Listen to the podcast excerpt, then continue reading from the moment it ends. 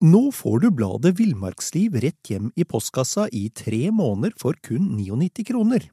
I Villmarksliv kan du lese om norsk natur, ærlige tester av klær og utstyr, og mange gode turtips skrevet av erfarne friluftsfolk, fiskere og jegere. Send SMS VILL36 til 2205 og motta bladet allerede neste uke.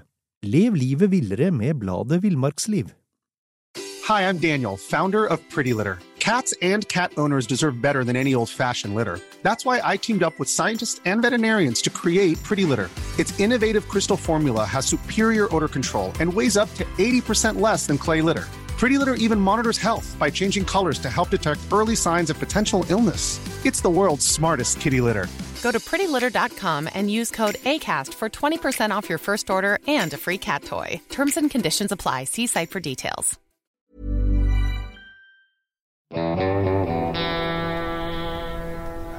Velkommen til podkasten Villmarksliv. Mitt navn er Knut Brevik, og jeg er redaktør i bladene Villmarksliv, Jakt og Alt om fiske. Og jeg er Dag Kjelsås, har jobba med det samme som deg, Knut, i noen tiår. Og er også som deg ganske interessert i å få fisk. Og det skal vi snakke litt nærmere om med en som er, etter min erfaring, en av Norges desidert beste fiskere på mange felter, ikke minst når det gjelder å få stor fisk. Og da snakker jeg om Bjørn Mikael Pettersen. Hei, Bjørn. Hallo. Du, eh, jeg regner med at, at, du har masse du kan formidle, og kanskje noe du ikke vil formidle. Hvis vi begynner med det heiteste av det heite når, når fiskere snakker seg imellom, nemlig hemmelige vann og vann med stor fisk. Kan du mm. fortelle litt om hvordan du går fram for å finne et vann med stor fisk? For jeg veit nemlig at du er ganske klar på at du vil fiske der det er stor fisk. Ja, det er eh, liksom det som gir meg mest, da, å få stor fisk.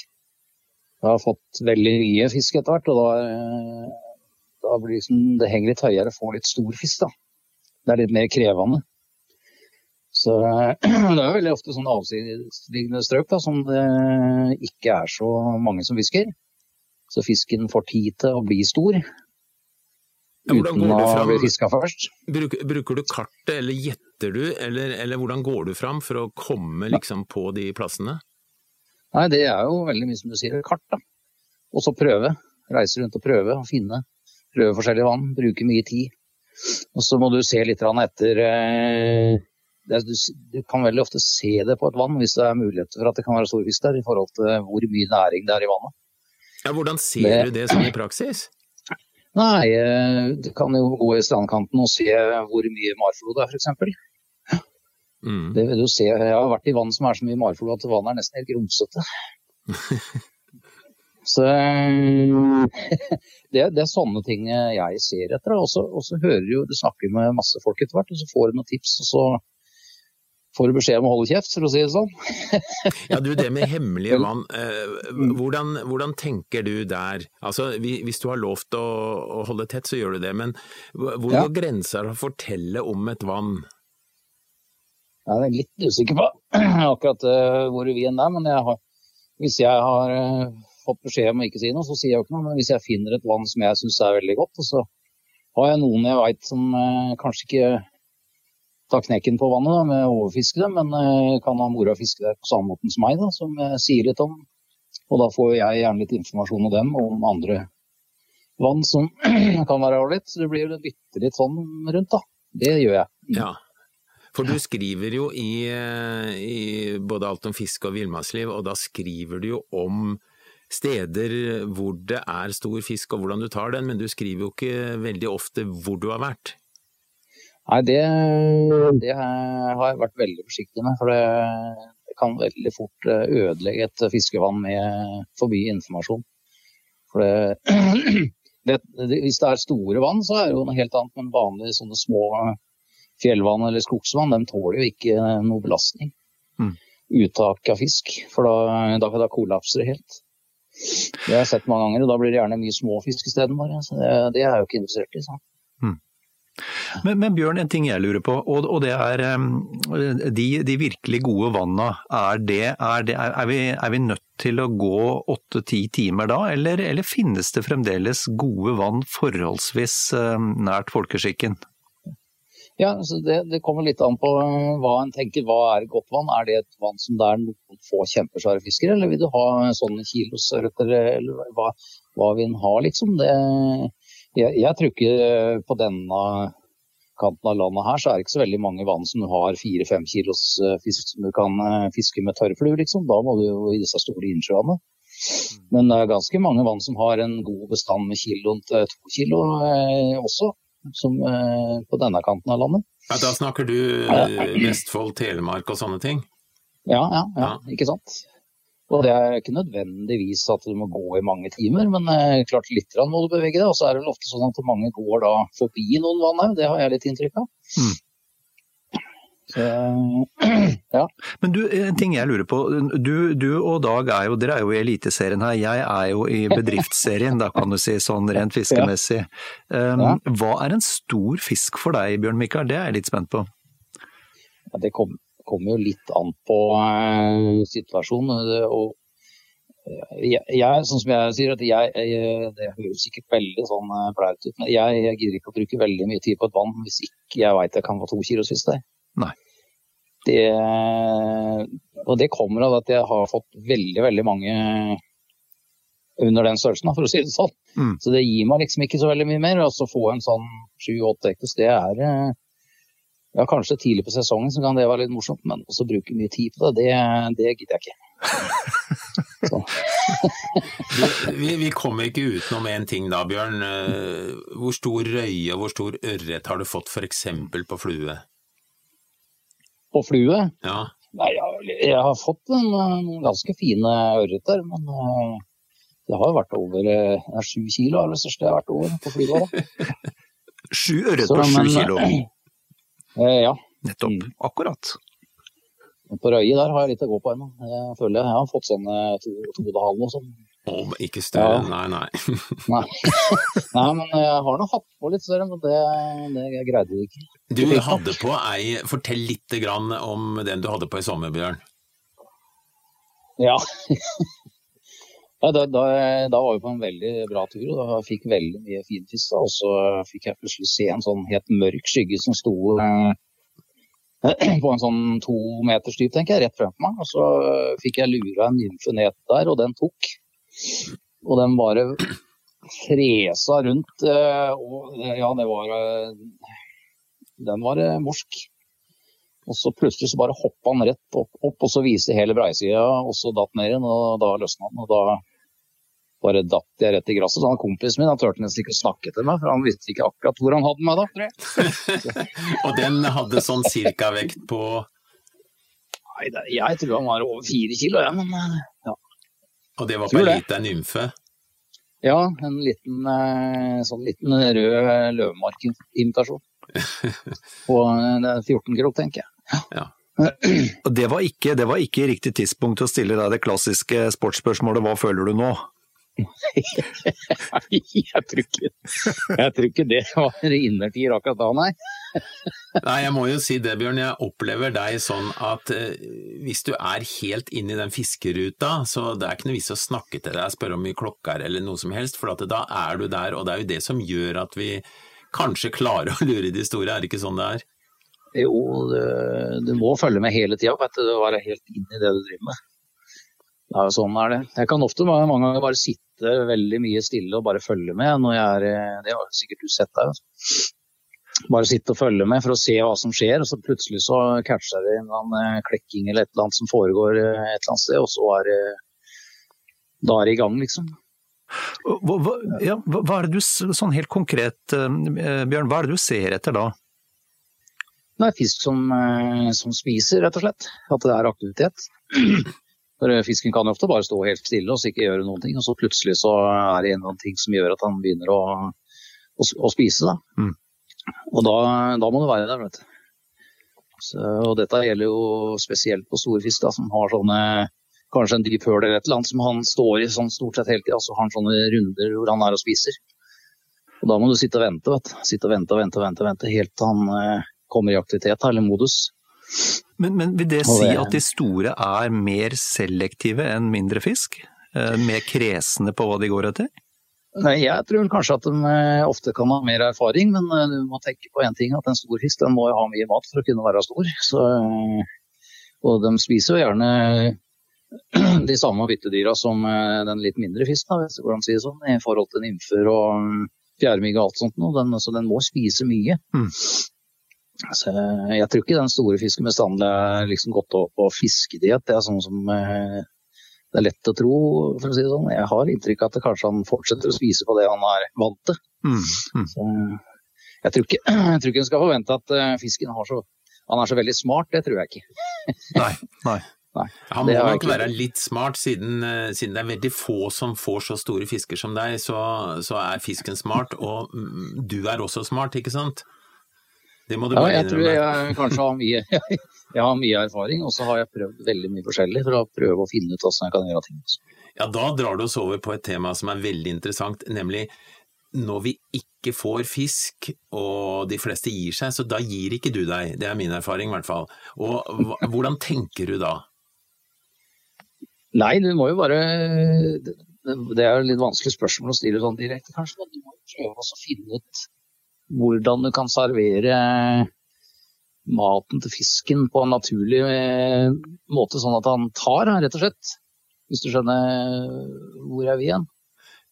Ja, at byttedyret, byttedyret presenteres så riktig at fisken lar seg lure, liksom? Ja, ja det er der, der, eh, gjerne problemet ligger. er at En sånn fisk den kan stå litt vanskelig til, f.eks., og så greies å få, få, gjort dette på riktig måte. Få rette driftene, som jeg sier. Ja. Hvis du fisker i elv, da, vel å merke. Eh, jeg husker jo en gang, Bjørn, vi var og fiska i ei ganske stor elv etter røye, og da sto det ei røye sånn at det var nesten umulig å få ned nymfa, men du hadde et lite knep for å klare det òg? Eh, ja, jeg er ikke sikker på akkurat hvem som Du la på ei litt tyngre nymfe foran den lille som du tok fisken på? Ja, ja. Stemmer, stemmer. Da skal ikke jeg ta æren for eh, den teknikken der, for det er vel en eh, veldig vanlig måte eh, mange andre steder i verden å fiske enn meg. Men det som er litt uh, hemmeligheten der, er at uh, du har en uh, fortynga nymfe foran. da. Og så har du en fortom kanskje på en halvmeter med tynn uh, fluorkarbon ifra den og så bort til en liten nymfe som er helt vektløs. Og det som skjer er at da går den tunge nymfa ned, og så vil den der som henger etter, den vil bare sveve helt fritt med med strømmen. og Det er akkurat sånn nymfene kommer. Mm. Og det, det har jeg, har sett mange ganger jeg har prøvd å fiske bare med vanlig nymfe og ikke, ikke sånn rigg. Da, og da får du ikke det rette driftet, det avslører fisken med en gang. Han ser at dette er ikke som det skal. Så Det er en måte som jeg har fiska mer og mer på de siste åra, med sånn uh, nymferigg. da, Og fått veldig mye fisk på. Uh, Sånn tenker jeg eh, er den mest riktige måten å prøve. Ja, særlig hvis det er litt dypt, da, for å si det sånn. Mm. mm. Så kan, da kan du justere, justere tyngden på den eh, dropperen som det heter, foran for å, se, for å få rette driftet. Da. Mm. Derfor så må du ha masse fluer da, med forskjellige tyngder og størrelser og farger. Og. Så, en litt annen interessant ting, særlig når du fisker røye, da, det er altså kanskje på den dropperen har litt eh, knallfarver og eh, litt glitter. Så vil du få en sånn attraktoreffekt som gjør at han blir nysgjerrig, men det er ikke den han tar. Han tar den sveveren som kommer etter. Ja, visst.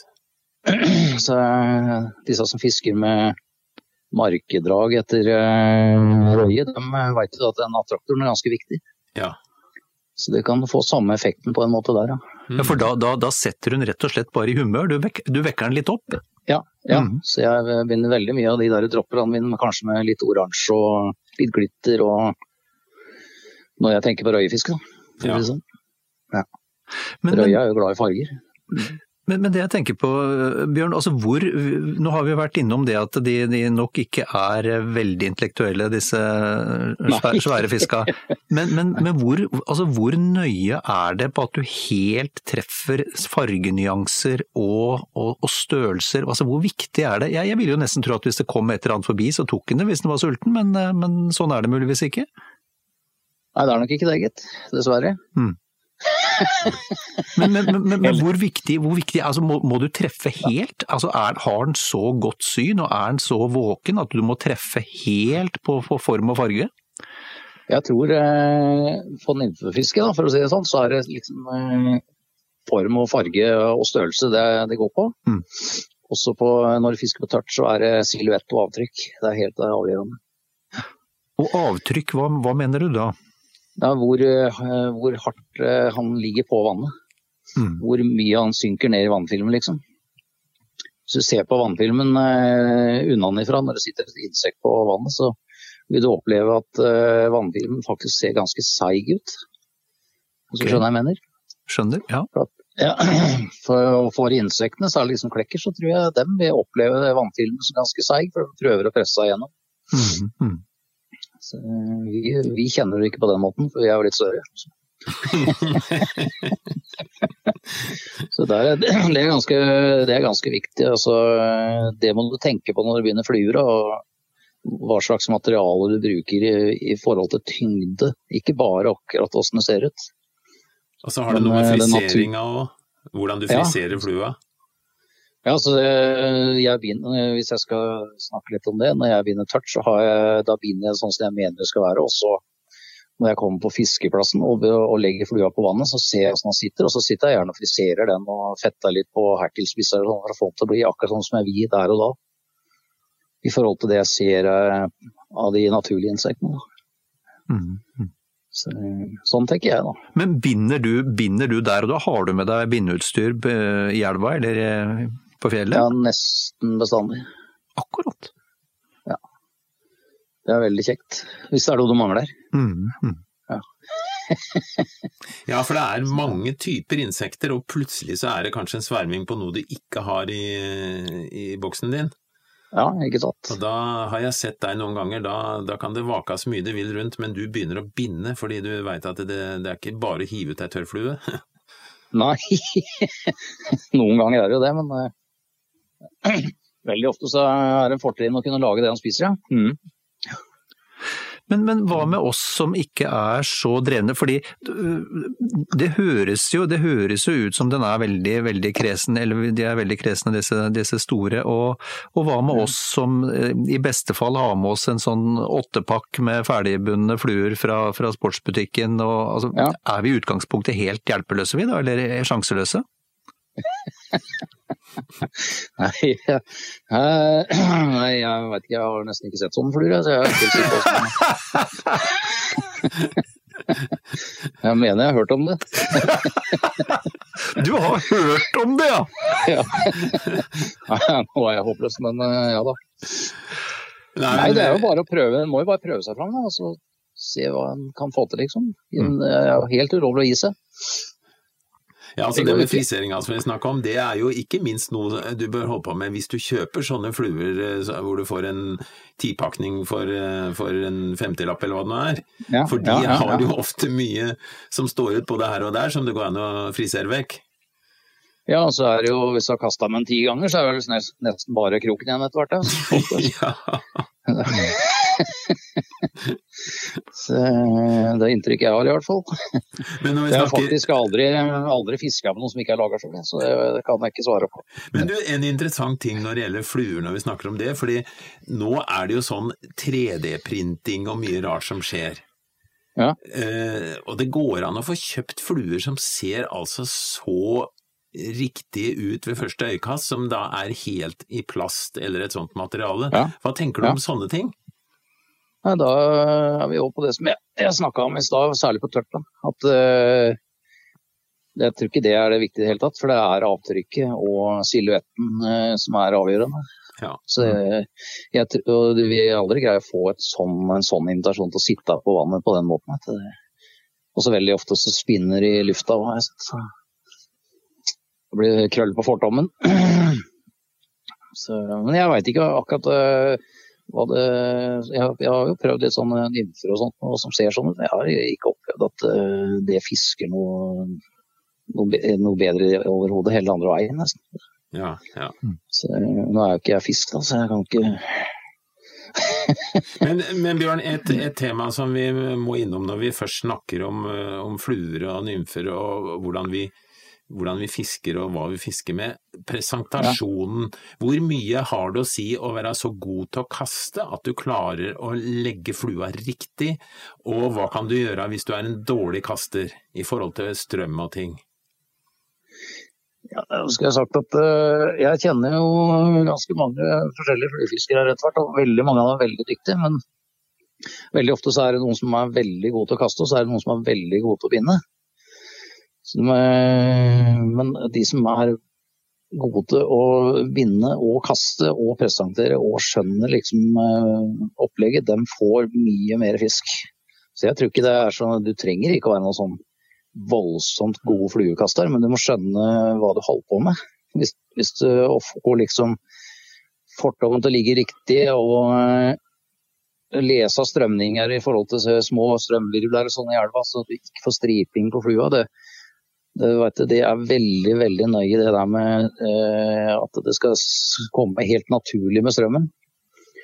Så det, kan, det, er ikke sikkert du greier å se det sjøl engang, men hvis det er en døgnflueklekning, så det kommer jevnt med døgnfluer, og du ikke får fisken til å ta, så kan du prøve å legge flua di ved siden av en av de døgnfluene som kommer i elva, og da vil du se at det er forskjell på hastigheten på dem.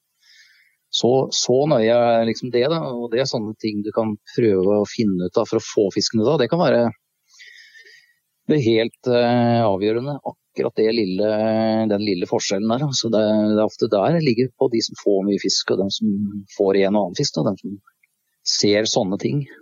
Og Da snakker vi om å legge fortommen uh, i lufta sånn at han, han plasseres riktig, og ikke minst om mende. Kan, kan, ikke du kort ja. forklare for de som ikke veit hva det er, hva det består i? Ja, Det er jo, hvis du kaster på, på, på tvers av strømmen, så vil jo strømmen eh, midt i elva ofte være raskere enn den på hver side. Og da må du løfte, For å få, ikke få en bue på snøret i elva, så må du løfte snøret opp av vannet og legge det oppstrøms igjen, da, så du får mer rett vinkel på eh, fluesnøret ditt mens det driver nedover. Eh, var det en grei forklaring? Ja, de fleste si forsto ja. sikkert det. Mm, mm. Ja. så, og det, det, er jo som du må se på hele tida, da mens du står og fisker, at det snøret ikke drar i flua. Dette er jo litt vanskelig. Men, men Bjørn, så, eh, sånn, mm. for meg så høres det ut som fluefiske, altså skal du lykkes eh, og, og kanskje ta stor fisk, så, så, er det veldig mye observasjon her. Altså man, ja. For meg så høres det ut som du bruker veldig mye tid på å skjønne hva som skjer, både hva som klekker, hastighet, hvor, altså mm. mye observasjon. Ja, det er som jeg sa innledningsvis, at jeg bruker ofte mye tid bare på å sitte og se. Kanskje, og da mener jeg da kan jeg sitte en hel formiddag altså bare og se og følge med. Og hva som skjer, liksom. Hvor er vi igjen i syklusen på sesongen? Hva foregår? Så det, det er sånn jeg holder på hele tida. Mm. og, det, og det er veldig spennende, for får veldig, du får en veldig innsikt i livet langs eh, bredden. Da. Så jeg ser den ligger på fjellet i telt for å fiske, så liker jeg ofte å sette teltet helt nede så nære vannet jeg kan, for da kan jeg ligge i teltet og følge med hele tida. Mm, mm. jeg har liksom ikke en leir langt oppe i lia, og så er jeg nede og fisker litt. Jeg er nede ved vannet hele tida. Ja, vi, begynte, vi, begynte, med store fiskebjørn, og, og ja. Eh, nå snakker vi om observering og eventuelt at man kanskje også da kaster feil. Hvor lang tid tar det før en stor ørret Eh, la meg si en over to kilo, da, før han ja. igjen er mulig å få hvis du har skremt den ved å ha gjort noe feil i starten? Nei, da vil jeg vente til dagen etter, tror jeg. Ja. ja. Det kan så... være nok med skygge fra et fluesnøre, det, så stikker den. Ja. Mm. Og det er såpass skvettende, ja? Ja. Det kan være veldig skvettende. Så, og mer jomfruelig det er, jo mer skvettende er det av en eller annen grunn. Så jeg var nede på New Zealand, det er fisken så skivet at det er helt uh, må ha på deg klær som går helt i ett med omgivelsene, og du må gå og liste deg liksom bortover for at de ikke skal oppdage det. Og hvis de ser en eh, fortom som glinser deg litt i overflata, så bare er de borte med en gang. Da kommer vi over på, på, det som har med spotting av fisk å gjøre, nemlig å, å se fisken ja. før han har sett deg. Kan du fortelle litt om teknikken din der? Ja, da, det som gjelder da, det er også Du må jo ha skikkelig polaroidbriller, og gjerne en caps, da, så ikke du blir forstyrra av lys rundt deg. Og så eh, må det gå veldig rolig eh, mot strømmen, for fisken står bestandig med huet mot strømmen. Hvis, hvis, du skal ha en mulighet til å se den før den ser deg, da. Så, eh, og så er det det å skille da ut en, eh, en fisk den, den, går jo veldig ofte veldig i ett med en bånd, så du må gå ett skritt og så stå stille og se, og så se om det er en bevegelse eller et eller annet. For, for Hvis du først ser en bevegelse, og så begynner å se, da vil du gjerne, gjerne oppdage den, for å si det sånn, og finne ut hvor han står hen. Mm. Så du må gå veldig rolig etter verks. Og så er det litt avhengig av at det er sikt i vannet. Og så må du tenke deg til hvor en fisk ville stå. da.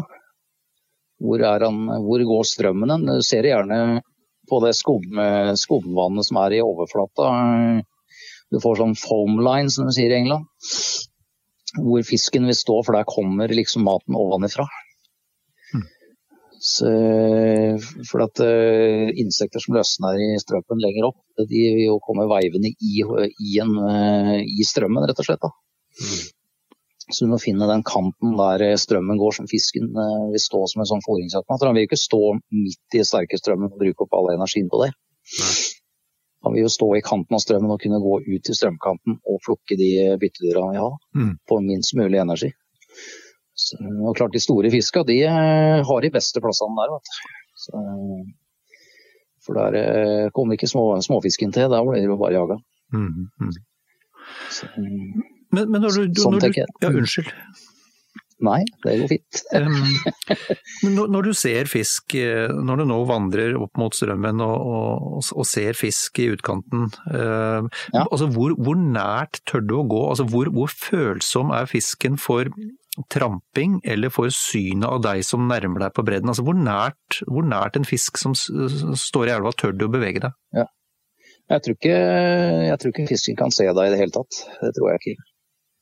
Du må passe på at han ikke ser deg. Mm. Og da, det, det, kommer litt av på hvor dypt han står. for Hvis han står på en eh, litt dypere vann, så har han et mye større vindu ut over seg enn når han står veldig grunt. Mm. Hvis du forstår meg rett, så blir det en sånn runding over fisken som han ser igjennom. Og hvis han står veldig grunt, så er den rundingen veldig liten. Mm. Så, og hvis du går bakifra, så kan du gå ganske nærme. Altså. Så, så det, det, det, er ikke et problem, men du må være forsiktig så du ikke tramper på steiner og sånn, så det blir sånne skrapelyder, for det liker han ikke. Så, og da ser, på, da ser, du det på, fisken med en gang? Hvis du, hvis du tramper på en stein eller skap, skaper noen bruduljer, så ser du det med en gang? Ja, da ser du da gjerne så vil den stå, begynne å stå veldig stille. Eller synke ned mot båndet og stå veldig rolig. Og så gjør den gjerne det en liten stund, og så stiger den av gårde ut i en høl et eller annet, og så er den borte. Akkurat. Så, så den er ganske, ganske kilt, altså. Du må være forsiktig. Men Bjørn, eh, ja. hvis vi sier nå at nå har vi eh, fått så mange tips at nå klarer vi å få på en fisk.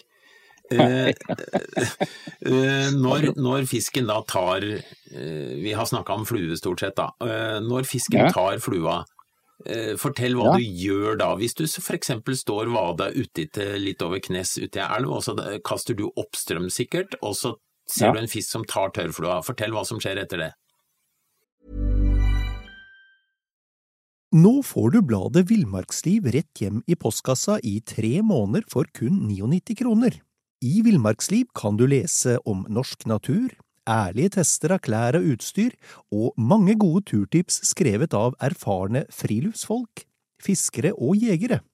Send SMS VILL36 til 2205 og motta bladet allerede neste uke. Lev livet villere med bladet Villmarksliv. Planning for your next trip?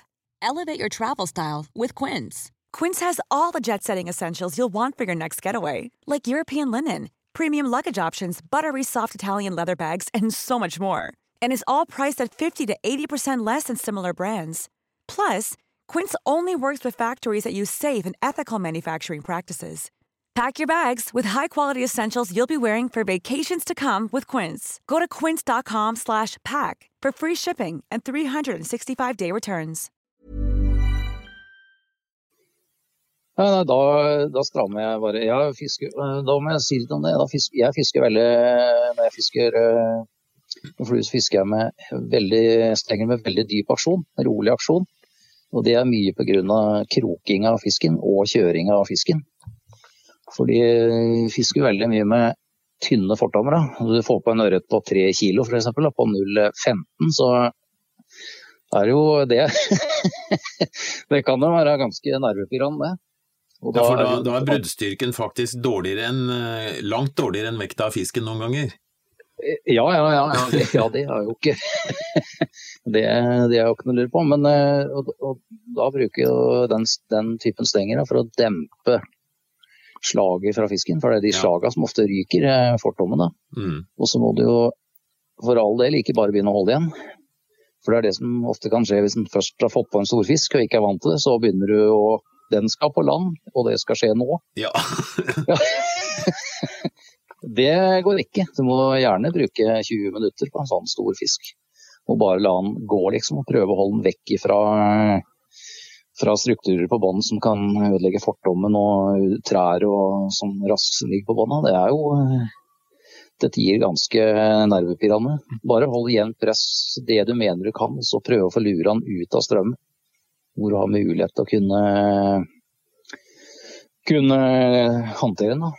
Men det, det jeg tenkte jeg skulle si, du snakka om vekta på fisken liksom kontra brudestyrke. Så det, det den kan gjøre, hvis den tar eh, og fester kroken i en stubbe en gang, og så, og så prøver å dra med stanga. Løfte stanga og bøye stanga, se om du greier å brekke ja, snøret med det, liksom. Da blir du ganske overraska hvor mye du kan bøye stanga på 0,15 altså, uten at du ryker.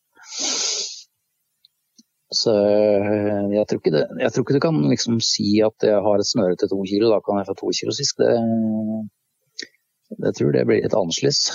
Så har vi jo et problem hvis vi har ute veldig mye line, for, for da sleper ja. jo fisken på den. Ja, det er jo eh, det, åh, det er noe drit, altså. Det har jeg mista mange fine fisker på. Ja. For det er det som du sier, det er jo det som er problemet. at Du klarer jo egentlig ikke å holde igjen en sånn stor fisk. Da. Du må jo bare la den gå.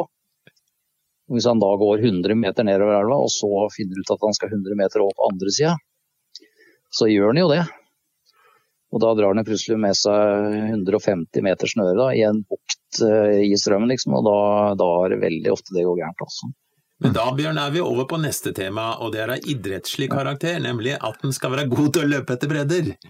Ja, Det må du legge, kalkulere med når du fisker, at du skal springe litt langs kanten, innunder og over og bortimellom. Så, det, er, det, er, noen av oss som har vært under vann og litt forskjellig. Kan du fortelle om du har noen historier med løping og kjøring av fisk? ja, kan, det kan jeg. Det, det, er jo som du sa, at du er veldig inn i det du driver med. Så når du først får på den der svære slasken, da, så dette skjedde meg jeg veit ikke hvor lenge siden det er, men det er litt av stund siden. Da, den gikk bare det, det, var en ganske stor fisk, og den tok en tørrflue rett oppstrøms. Det var jo liksom akkurat som det står i boka at det skal gjøre det. vet du. Og så Seigen over på andre sida, bare slapp seg ut. Og det gikk og gikk og gikk og gikk. Og gikk og gikk, vet du. Og til slutt så var det ikke mer snørr igjen på snella. Da. Og da enten så måtte jeg svømme etter, eller så mista jeg den. Og da valgte jeg det første. Så da stupte jeg uti, og det er ganske svær elv, og han kameraten din han sto bare og ropte på land og 'det er ikke verdt det, det er ikke verdt det', sånn. jo, skrek du! Og borte ble jeg, vet du. Og så spente jeg fra båndet og kom opp igjen liksom, og fikk sveiva litt. Og sånn holdt det på nedover et stykke til vi kom i en sving. da. Akkurat som en dupp, altså opp og ned i vannet? Ja, ja, ja. ja. Altså, jeg har en veldig sånn vannfølelse, for jeg har jobba med dykking i mange år. Så jeg liksom eh, jeg, Ja, jeg har litt annet forhold til vann enn mange andre. Altså. Eh, mm. jeg ble jo ikke liksom redd, da, men jeg ble helt oppgitt for jeg ikke fikk kontakt med den fisken. Det, det, gikk jo gærent, da. Det gjorde jo det. Men jeg prøvde. Det gikk ikke an å prøve mer, i hvert fall. Det gikk ikke. fikk, du, fikk du noen gang kontakt med den før den forsvant, eller? Nei, det var hele lina ute og ute mellom. Så eh, jeg hadde, hadde vel inn til land én gang, tror jeg. Før, eh, men det, det, var ikke sjans. Det gikk ikke. Nei, nei. Så, men jeg ødela telefoner og alt som var. Det var bare kaos. Hva, hva, vil du anslå, hva vil du anslå den til, da? Jeg syns det så ut som en fisk på sånn fire-fem kilo. Å, du verden. Ja, den var svær, altså. Men du, når det gjelder kjøring, um, jeg ble så fascinert da jeg hørte at du har tatt ørret på sju kilo. Hvor lang tid brukte du på den? Og det var lenge. Altså, den, den gikk det, det jeg, aldri, jeg har fått, fått ganske mange fine røtter etter hvert, men uh, veldig ofte når de er store, så er de sånn veldig rolig. Mm. Bare rusler rundt, og du har liksom ikke mulighet til å styre dem, de bare rusler rundt. Men denne her, den var helt annerledes, for den, den tok bare ti meter foran meg. Fikk den på en streamer. Og så bare gikk den, akkurat som en sånn der Jeg har ikke fiska sånn fisk, men jeg har sett på film disse av marlinene. Bare stuper av gårde sånn i overflata. Mm. Og da den stoppa, så hadde jeg bare fire-fem runder igjen på snella, tenker jeg. Og det var 300 meter backing. Oi. Ja, det er det villeste jeg har sett. Altså. Det var helt sto bare skalv som en gammel frørenser på land. Men var dette ei elv? Nei, det var i vann. Det var vann, ja. ja. Svær innsjø. Så, og dratt til sida. Den holdt jeg på med lenge. Og så fikk den liksom inn 100 meter, og så 50 meter rundt igjen, og sånn holdt det på. vet du. Nei, det var Og så var det så innmari kaldt, for at uh, dette var sånn i april-mai måned, og så ble det skikkelig vindvær og uh, sånn rein slutt. Uh, husker jeg tok bilde av kampkameraten min, han hadde en halvcentimeter snø på ryggen han sto og fiska. Så jeg, når jeg skulle ta bilde av den etterpå, så greide jeg nesten ikke å løfte den, for jeg hadde ikke følelse i armene. Helt tæla Ja, det var helt Det var akkurat sånn som det skal være. Ja. Så, så, du den, så du den på forhånd? Fiska du spesifikt på den? Nei, men jeg visste at de var der. Okay. Så vi hadde sett de jaga fisk i overflata tidligere, men jeg, jeg visste ikke at han var så svær, altså. Hmm. Før jeg så han hoppa første gangen, da, da gikk jo alle sikringene hos meg. Ja, fy søren. Du kjenner du lever da, altså. Du gjør det. Ja. ja da. Men, men, men jeg tenker på, på det, Bjørn Mikael. Hva, du har jo også vært nybegynner en gang. Og ikke, Eh, ja. og, ikke, og ikke fått fisk, tenker jeg. Um, Ja. Hva var det som, Når knakk du koden? Hva var det holdt jeg på å si, hva som var utslagsgivende for at du fant ut at ok, sånn ja, sånn er det vi gjør det? Nei, det husker jeg nesten ikke. Jeg, fisker, jeg begynte å fiske med flue da jeg var sju år. Så liksom, det var det. Jeg, jeg opplevde det at jeg begynte å få litt mer fisk når jeg begynte å greie å legge ut snøret da, på vannet. Litt ordentlig. Mm. Det også når jeg begynte husker jeg gikk jo på et fluebinderkurs for mange år siden hos han eh, Staffan Lindstrøm. Mm.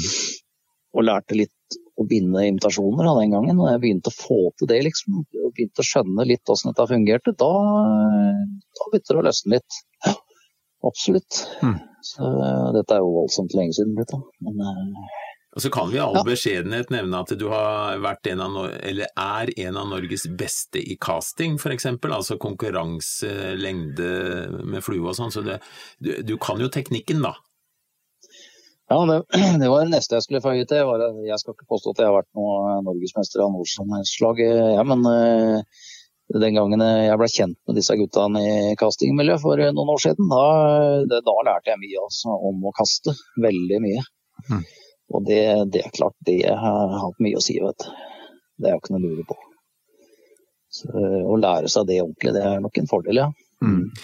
Men eh, ja, nå føler jeg at vi, vi, nå må ikke vi ta knekken på alle som, som er nybegynnere eller syns de er dårlige. Eh, Hva vil du si om eh, tips til nybegynneren i forhold til fluefiskinga? Hvordan gå fram og, og hvor fiske for kanskje å få kontakt med fisk? Ja, sånn som jeg tenker, er det er at uh, ikke la utstyret være liksom det som tar helt fokus. For det, det trenger ikke være helt tatt. Bare få tak i et helt ålreit eh, utstyr, og så gå et kurs og lære å kaste. Og så er det jo eh, også lære seg litt om insekter og, og forskjellige fluetyper. Og så ikke gjøre det for avansert, da. Mm. Så, og så bruke mye tid på å fiske. Og da ikke sette liksom, begynne med at nå skal jeg få en på fem, men eh, ha det jækla moro med å fiske på den der eh, litt mindre fisken, da, som det er mye av mange steder. Mm. Det, det, det, du kan ha vanvittig mye moro med det, vet du. Det er jo ikke noe å lure på. Ja, for vi må, jo, vi må jo ha fram det at det er ikke en trylleformel og, ti års trening som må til for at du skal kunne få fisk på flue? Nei, overhodet ikke. Det trenger ikke være i det hele tatt. Så må du liksom tenke hva er det jeg har lyst til å få ut av dette her. Hva er det jeg syns er gøy. Så, eh, ikke høre på hva alle andre mener er riktig. Mm, mm. Jeg har aldri gjort det, i hvert fall. Men, men, bare for å komme litt tilbake til det utstyret, for det er jo veldig mange, veldig mange opptatt av. Hvor, hvor, mye penger må man legge i, hvis, som, som nybegynner, det er på en måte premisset her. Hvor mye penger må du legge i stang og snelle og snøre, hva må du regne med å ut med før du kan starte opp, da? Jeg tror du kommer veldig langt med 4000-5000 kroner, jeg ja, også. Mm. Det tror jeg da har veldig godt utstyr. Så, jeg tror ikke, det tror jeg ikke er noe problem. Det, ja, nei, det mener jeg også. Jeg altså, jeg, jeg, jeg, tror mm, Kom igjen. Ja, jeg tror du kan gjøre det jeg så eh, Kjell Vangen, som eh, jo produserte fiskestenger, klarte ja. en gang. Han tok et kosteskaft, satte på en snørefører i toppen, la snøret på bakken og kasta så ja. langt at han garantert kunne få fisk. Ja, det er teknikken eh, som er helt av det. Jeg skal ikke skyte på noe, men jeg har kasta persen min uten stang, det er 22 meter. Det er bare med henda. Ja, Si, det, sier du nå at eh, kasta du et fluesnøre 22 meter bare med henda? Ja, det går fint det med rettsteknikken. Så Derfor så må man tenke på det når det, Jeg ser ikke pointen med å kjøpe sånne 10 000 kroner senger. Det blir jo som uh, en idrettsutøver. Han går jo ikke på konkurranseskia sine hele tida. Du, du, må liksom være så god før du kan merke forskjell på det og et par vanlige ski. Da, for å si det sånn. Mm, mm. Og det, Sånn blir det litt med Jeg har jo et par kamerater som er fryktelig gode fluekastere. og De kan liksom benytte seg av de der siste tusenlappene der for å få det til å gå den siste ti centimeteren, for å si det sånn. Mm, mm. Men eh, sånn i praktisk fiske så tror jeg det er helt uvesentlig. En, en, en, ting jeg lurer på, eh, du, altså du, du, du binder jo, du, ser jo an og du binder, eh, du binder fluer etter forholda der og da, men før man når det nivå, hva slags ja. fluer bør man i hvert fall ha med seg? Altså, kan du si noe om hva, hva bør du alltid som nybegynner ha med i fiskeveska di? I Norge da, så vil vi ha med kanskje volleybuggere f.eks. Til, til streamerfiske. Og så eh, fire-fem forskjellige eh, døgnfluenymfer. Det kommer litt an på om du skal fiske et vann eller på, på elva. eller På et vann så er det gjerne disse vespertina-nymfene eller, eller marginata-nymfer. Og så er det er et vann som er vulgata, så er det greit å ha et par vulgata-nymfer liksom, i boksen. Og så er det tørrflueinterasjoner av de samme. Men eh, det som også er viktig å tenke på, det er at det er jo litt annet enn bare vanninsekter som ørretneter. Altså, det kan være greit å ha litt stankelbein og kanskje fjæremygg og litt biller og maur og litt sånn forskjellige sånne ting i, i boksen òg, da. Mm -hmm. Og så se litt hva du ser på vannet. Hva, hva som skjer nå, liksom. Hvis det ikke skjer noen ting, så fisker jeg gjerne enten hvis jeg skal fiske tørt, da, så blindfisker jeg kanskje litt med en eh, stor stankelbein eller et annet i mellomtida for å se eh, hva er det som materialiserer seg. Ja. For det er jo sånne ting som plutselig bare kan dette ut på vannet som fisken tar. Det, de har jo ikke noe klekking eh, vel, å snakke om, da. Sånn. Mm. Sverming. På fjellet er det jo veldig bra med, med stankelbeinintentasjoner som regel. Veldig bra. Så, eh, der er det mye av det. Nå, eh, du vet, du, snak, du snakka om fluer og hvor gode de skal være, men nå skal vi i sannhetens navn si at det er veldig mange eh, som driver forhandle, og forhandler fluer som leverer bra kvalitet. Ja, ja, Så vi, vi, ikke, vi, skal, vi, kan fleipe litt med de der billigboksene til ja. en femtilapp for en haug fluer, men, men, eh, hvis du kjøper deg flue hos en seriøs forhandler så, eller på nettet, så, så, får du veldig mye bra, altså. Ja, jeg vil jo kanskje tro at det koster litt mer da. Ja, det, ja mm. selvfølgelig, men, ja. men, det er ikke noe problem å få Du må ikke binde sjøl, mener jeg. Nei, nei, nei, nei. Selvfølgelig ikke. Så, de, det er vel noen butikker igjen ennå som har litt sånne boksere med litt uh, ordentlige fluer, jeg tror det. Ja. Så, ja. Jeg tenker nå uh, lakker og lir og, og mot, gå mot sesongen, sesong igjen, Bjørn. Hva, har du noen store hva, Eller for å si det sånn, hva er, din, hva er dine store planer for 2021 da? Ja, Det er å få den røya som jeg mista i fjor sommer. Ja, du har tagga den? Du skal dit igjen. Den uh, har jeg merka, jeg. Bjørn, hvor, hvor er eksakt hvor er det hen, Bjørn? Det er, det er et stykke nord for Lindesnes. Og så litt til venstre. Ja. Veldig bra. Bjørn, eh, kjempespennende, kjempespennende å, å prate med deg. Nå sier vi at du kommer til å få den røya. Hvis du sånn avslutningsvis eh, skal Du er kjempeerfaren, har fått mye og stor fisk. Hvis, det, hvis all din erfaring skal munne ut i ett råd til de som, som har lyst til ut og fiske, fiske flue i sommer, hva vil det være? Nei, det er jo pågangsmåte. Og så gjør vi dette for å ha det moro, da. Mm. Det er jo liksom eh, Det er det å ha å bruke tid. Da. Og før eller siden så du, da. Det, er- det er det jeg kan si. Det, det er jo ikke alle som kan holde på sånn som meg, men eh, ja. ja, Vi skal ikke spørre om hvor mange timer du bruker på sportsfiske i året, men, men anslagsvis er det vel et, bortimot et dagsverk, eller et årsverk? Jeg tror det. Ja. Ja, jeg gjør nok det. Jo, jeg gjør nok det, gitt. Det er jo liksom det, dette er det jeg driver med, da. Det er sånn det ja. Tusen takk for en hyggelig prat, Bjørn.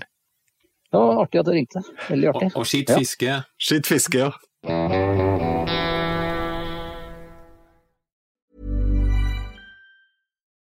Nå får du bladet Villmarksliv rett hjem i postkassa i tre måneder for kun 99 kroner. I Villmarksliv kan du lese om norsk natur, ærlige tester av klær og utstyr, og mange gode turtips skrevet av erfarne friluftsfolk, fiskere og jegere.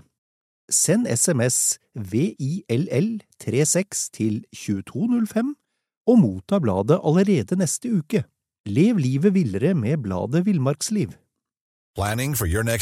Elevate your travel style with Quince. Quince has all the jet setting essentials you'll want for your next getaway, like European linen, premium luggage options, buttery soft Italian leather bags, and so much more. And it's all priced at 50 to 80% less than similar brands. Plus, Quince only works with factories that use safe and ethical manufacturing practices. Pack your bags with high-quality essentials you'll be wearing for vacations to come with Quince. Go to quince.com slash trip for free shipping and 365-day returns.